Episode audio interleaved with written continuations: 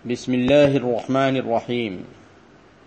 الدواوين الست لمولانا وشيخنا شيخ الإسلام الشيخ إبراهيم بن الحاج عبد الله الكولخي رضي الله عنه. تقديم أبو عركي الشيخ عبد القادر النذير. التسجيل رقم تسعة. صفحة 18 من النسخة التي نقرأ منها. حرف الراء. قال رضي الله عنه هو المصطفى المختار خالط مضمري وكلي وجزئي فهو سري ومظهري. إذا ضاء ضوء البدر ملت لذكره وأذكره في كل مرأ ومنظر وأذكره عند الأغاني وإذ حلا مذاق فهو عمري مذاقي ومسكري. وأذكره عند البلا ونقيضه وأذكره في غيبتي مثل محضري. وأذكره عند الحبيب ولم أكن لأنساه وقت الأجنبي المكدر. ولست أرى مستحسنا غير وجهه. فليس جمال غير وجه المدثر. مرادي كون المصطفى عين عينه وإلا فموتي فيه شوقا لعنصري ولولا التذاذ في الجنان بنوره لما حن نحو الخلد كل مبصر. وليت رسول الله كان مسعرا لبرهام نارا خالدا كل مسعري.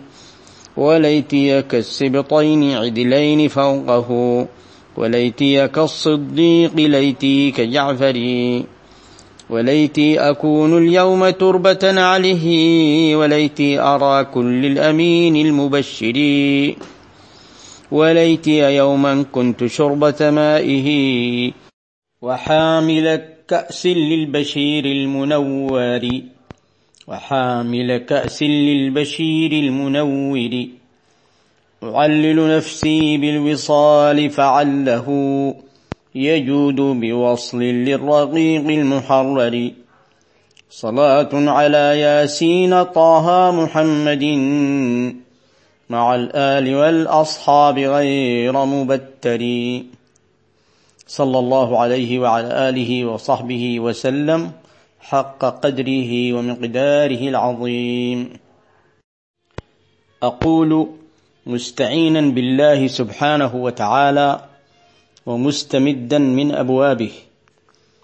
قال الشيخ رضي الله عنه هوى المصطفى المختار خالط مضمري وكلي وجزئي فهو سري ومظهري.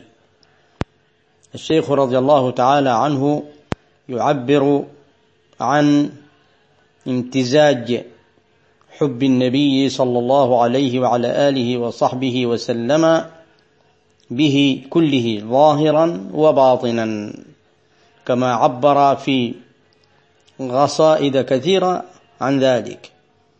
فمثلا في إحدى قصائده يقول تشرب قلبي حبه وهواه هوى المصطفى المختار أي حبه خالط مازج مضمري باطني وكلي وجزئي فهو سري ومظهري فهو باطني وظاهري. صلى الله عليه وعلى آله وصحبه وسلم. إذا ضاء ضوء البدر ملت لذكره وأذكره في كل مرأ ومنظري.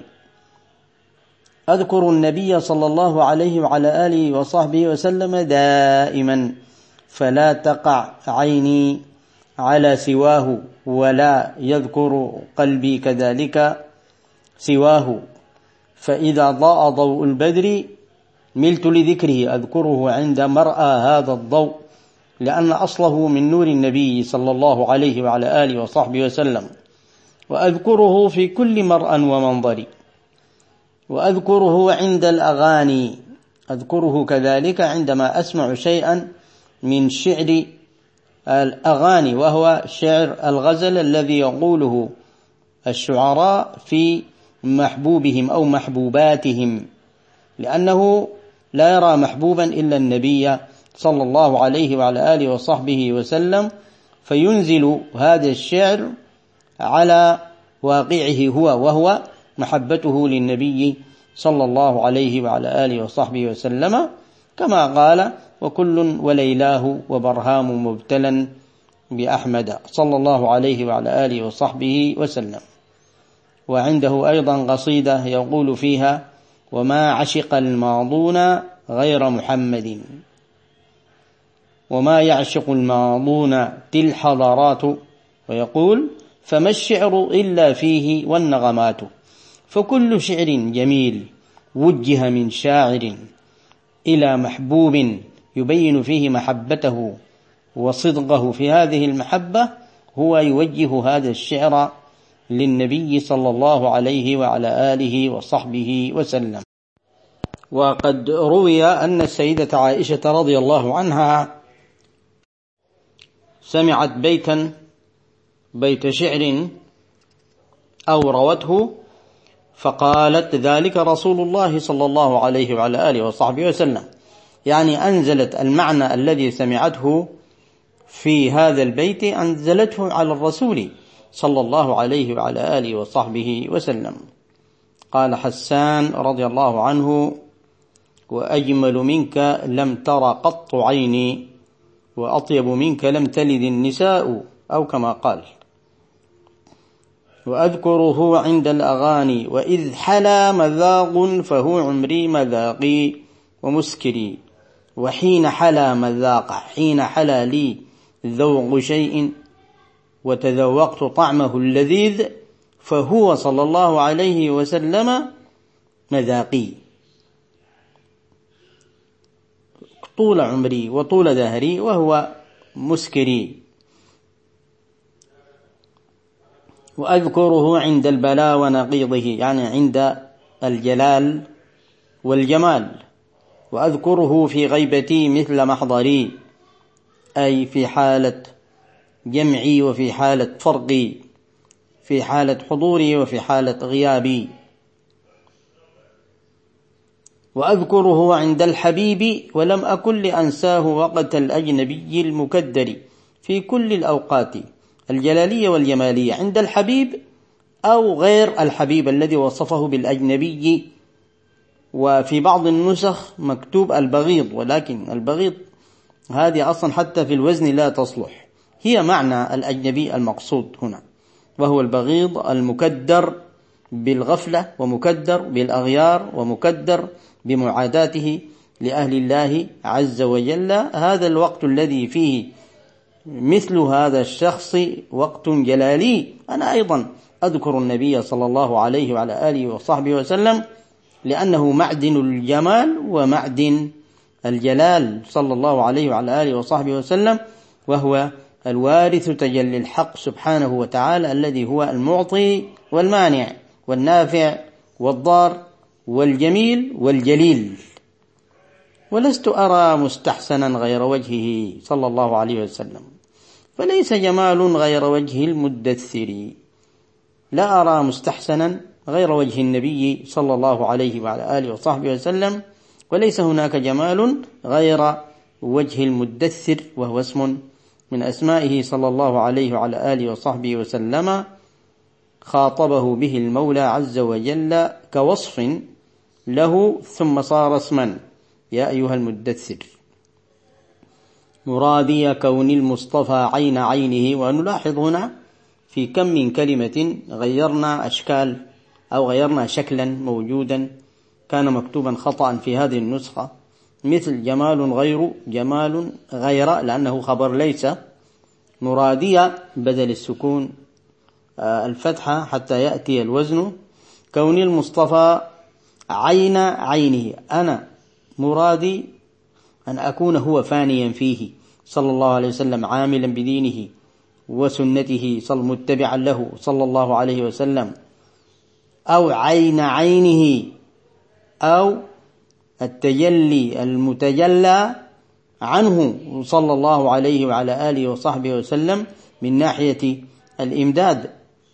وإلا إن لم أكن ذلك فموتي فيه. أموت فيه شوقا لعنصري. لأنه هو أصل العناصر. صلى الله عليه وعلى آله وصحبه وسلم. ولولا التذاذ في الجنان بنوره لما حن نحو الخلد كل مبصر. ولولا التذاذ موجود وكائن في الجنان أي في الجنة بنور النبي صلى الله عليه وعلى آله وصحبه وسلم لما حن نحو الجنة الخلد جنة الخلد كل مبصر كل صاحب بصيرة. لأن جنة الخلد أصلا هي من نوره صلى الله عليه وعلى آله وصحبه وسلم. ويشير إلى ذلك ما جاء في أحاديث أن الله عز وجل كتب اسمه على العرش وعلى ما في الجنة من الأبواب والقباب والأوراق والخيام وهكذا. ثم قال رضي الله عنه وليت رسول الله كان مسعرا لبرهام نارا خالدا كل مسعر هذا إشارة إلى النار التي أوقدت لسيدنا إبراهيم عليه السلام فتلك النار بتلك الصفة لو وقع فيها كل أحد لصارت له بردا وسلاما لأن المولى عز وجل قال يا, يا نار كوني بردا وسلاما على إبراهيم فسوف تكون بردا وسلاما. والشيخ رضي الله تعالى عنه أشار إلى ذلك في بعض أبياته لما قال ببردتك العظمى أجزت لمادح أجزه ببرد لا دناه لهيب. والشيخ رضي الله تعالى عنه أيضا قال أجرني من النيران ما بي طاقة برؤية نيران فجسمي قد وهن. ثم قال رضي الله عنه وليتي كالسبطين عدلين فوقه وليتي كل هذه تمنيات كلها بليت ليت ليت ليتي ليتي ليتي تكررت في البيت السابق وهذا البيت والأبيات الآتية. في البيت السابق قال ليت رسول الله كان مسعرا أي موقدا لبرهام نارا خالدا كل مسعر وبينا ما في البيت وليتي كالسبطين الحسن والحسين عليهما السلام. حال كونهما عدلين فوقه. عدلين تثنية عدل والعدل نصف الحمل يكون على أحد الجانبين. مثلا إذا كانت هناك دابة وحمل عليها حمل فيكون في جانب وزن وفي الجانب الآخر نفس الوزن. هذا يسمى عدلا وهذا يسمى عدلا لأن الحسن والحسين رضي الله عنهما كما ورد في الخبر أن النبي صلى الله عليه وسلم كان يصلي. فإذا سجد وثب الحسين والحسن على ظهره. فإذا أرادوا أن يمنعوهما أشار إليهم أن دعوهما. فإذا قضى الصلاة وضعهما على حجره فقال من أحبني فليحب هذين. وليتي كالصديق الصديق أبي بكر خليل النبي. صلى الله عليه وعلى آله وصحبه وسلم. ليتي كجعفر بن أبي طالب ابن عم النبي صلى الله عليه وسلم الذي قام له النبي صلى الله عليه وسلم عندما عاد من الحبشة وعانقه وقال لا أدري اليوم أفرح بقدوم جعفر أم بفتح خيبر رضي الله عن أصحاب النبي صلى الله عليه وسلم جميعا. وليتي أكون اليوم تربة نعله ليتي ترابا يمشي فيه بنعله النبي صلى الله عليه وسلم.